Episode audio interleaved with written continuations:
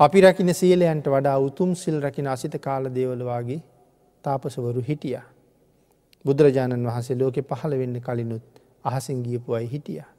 පංචාභික් ඥාෂ්ට සමාපත්ති තිබුණා හැබැයි සසරින් මිදුනේ මිදුනේ නෑ.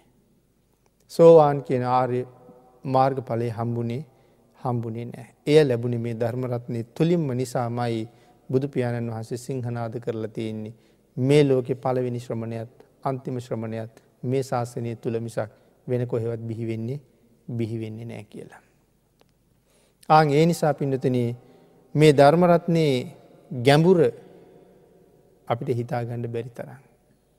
හැබැයි ඒ ධර්මරත්නයේ ගැඹුරුම තැනකීවේ මේ ශ්‍රද්ධාවටවත් සීලයටවත් සමාධියටවත් නෙමේ. ඒ ඇන ඒ දේවල් මේ ධර්මය නෑ කියන එකද තියෙනවා මේ ධර්මයේ ගැඹුරුම තැන නෙමෙයි ශ්‍රද්ධාව කියල කියන්නේ.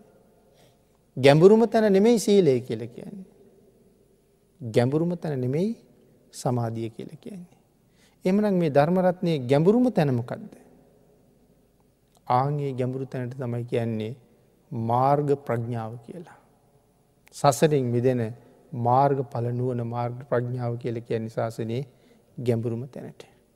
නිවැරදි සීලයකට එන්ඩ හොඳ ශ්‍රද්ධාවක් හොඳ සමාධයක් තියෙන්ඩ ඕන. නිවැරදි සීලයකට එන්ඩ හොඳ ශ්‍රද්ධාවකුයි හොඳ සමාධියකුයි තියෙන්ඩ ඕන වගේම හොඳ ප්‍රඥාවකුත් තියෙන්ඩ ඕනෑ. අං ඒ සියල්ලටම වඩා ඉතාත් තියුණු ප්‍රඥාවක් අවශ්‍යයි මේ මාර්ග පල ලබනවා කියන කාරණාවට. තාම තියුණු ප්‍රඥාවක් අවශ්‍යයි.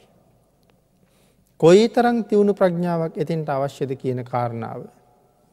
මේ මාර්ග පල ලබන්නේ කොහොමද කියන කාරණාවත් එක්ක සාකච්ඡා කර යුතු ටිකක් ගැඹුරු ගැඹුරු කාරණාවක්. ආං ඒ ප්‍රඥාවට කියන්නේ මේ ශාසනයේ ඒ ප්‍රඥාව ලැබෙන්නේ මෙන්න මේ සම්මා සම්බුද්ධ ශාසනයෙන් විතරයි. මාර්ගඵල ප්‍රඥාව තියෙන්නේ මේ බුද්ධ ශාසනය විතරයි ඒකට කියනවා තෙරවාදය විතරයි ඒක තියෙන කියලා.